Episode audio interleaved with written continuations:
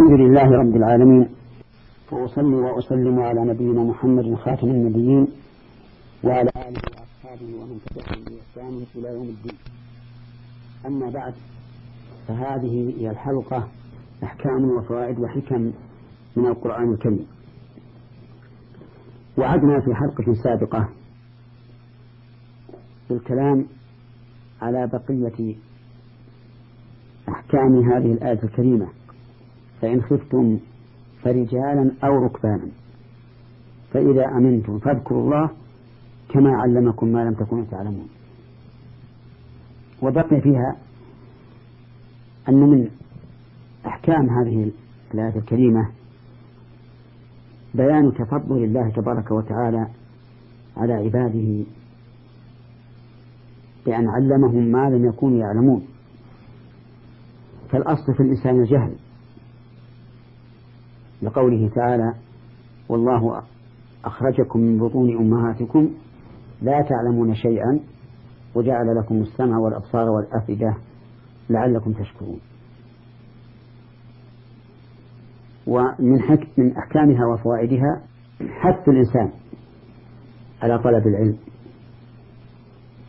وأن يسأل الله من فضله لأنه تبارك وتعالى هو المعلم.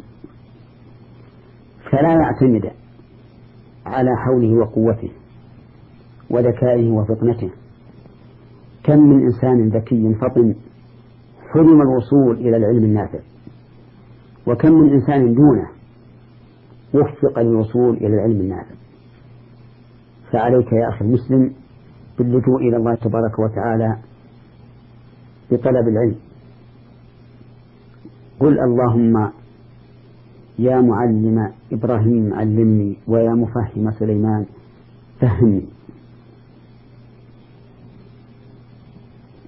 ثم قال الله تبارك وتعالى والذين يتوفون منكم ويذرون أزواجا وصية لأزواجهم متاعا إلى الحول غير إخراج فإن خرجنا فلا جناح عليكم فيما فعلنا في أنفسهن من معروف والله عزيز حكيم.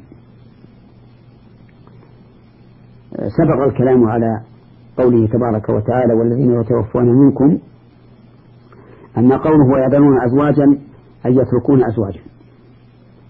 وهذا يصدق بالزوجة الواحدة والزوجات المتعددات.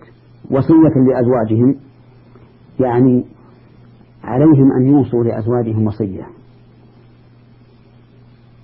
بالمتاع إلى الحول. أن يبقين في بيوت الأزواج إلى سنة كاملة. يمتعن بالنفقة والكسوة حتى يتم الحول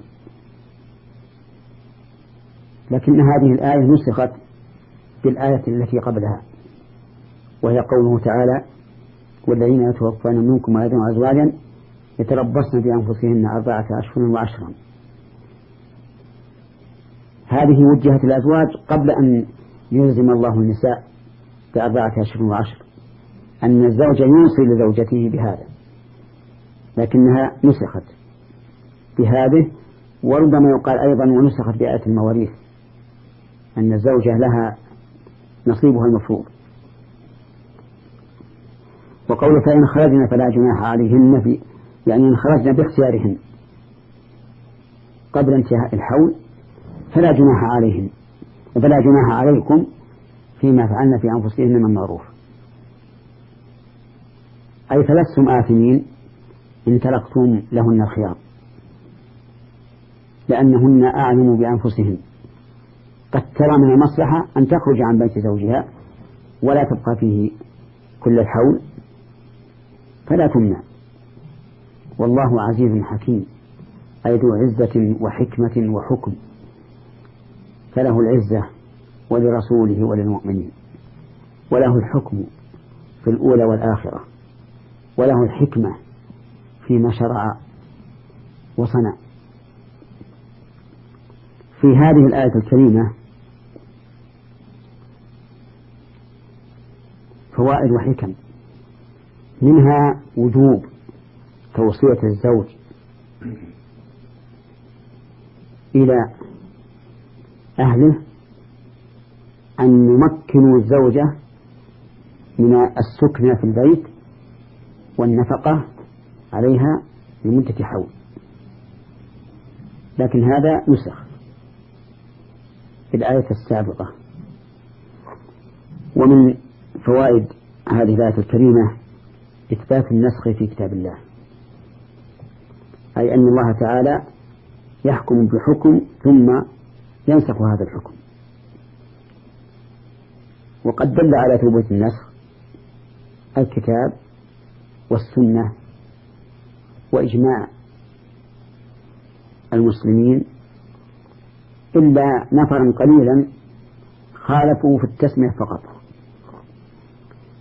ودليل ذلك قوله تبارك وتعالى ما ننسخ من آية أو ننسها نأتي بخير منها أو مثلها.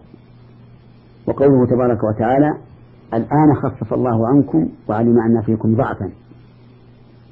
وقال تعالى علم الله أنكم كنتم تختانون أنفسكم فتاب عليكم وعفى عنكم فالآن باشرهن وفي السنة قال النبي صلى الله عليه وعلى آله وسلم كنت نهيتكم عن زيارة القبور فزوروها.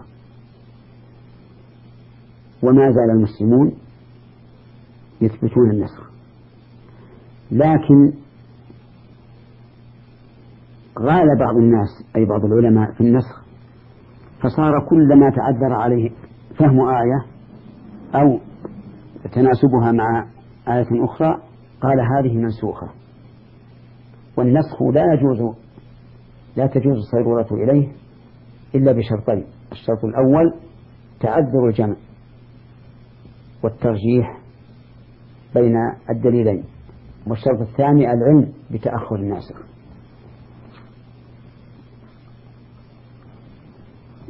ومن فوائد هذه الآية أن من له الحق فهو بالخيار بين الأخذ به وتركه. لقوله فإن خرجنا فلا جناح عليكم فيما فعلنا في أنفسهن من معروف.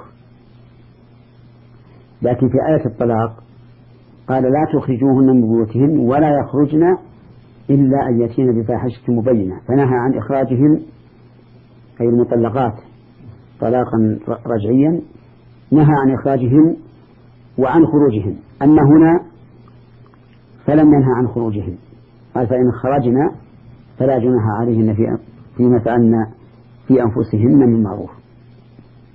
ومن فوائد هذه الآية الكريمة أن على المرأة أن لا تخرج عن المعروف فيما تفعل بنفسها من لباس أو كلام أو خروج أو تطيب أو غير ذلك. ومن فوائد هذه الآية الكريمة إثبات هذين الاسمين الكريمين من أسماء الله وهما العزيز والحكيم. فالعزيز من له العزة والغلبة فإن الله تبارك وتعالى لا غالب له بل هو الغالب على كل شيء. ولما قال المنافقون لئن رجعنا إلى المدينة ليخرجن الأعز منها الأذل.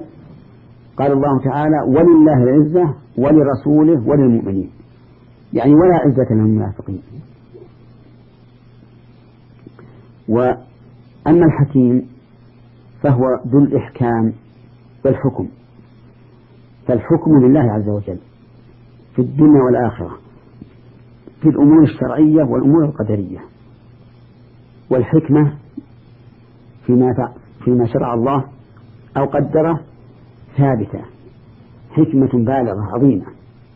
لم يفعل شيئا عبثا ولم يشرع شيئا عبثا وإنما كان شرعه وفعله لحكمة وغاية محمودة. فسبحانه وتعالى عما يقول الظالمون علوا كبيرا. وإلى هنا ينتهي الكلام على هذه الآية الكريمة. وإلى حلقة قادمة إن شاء الله. والسلام عليكم ورحمة الله وبركاته.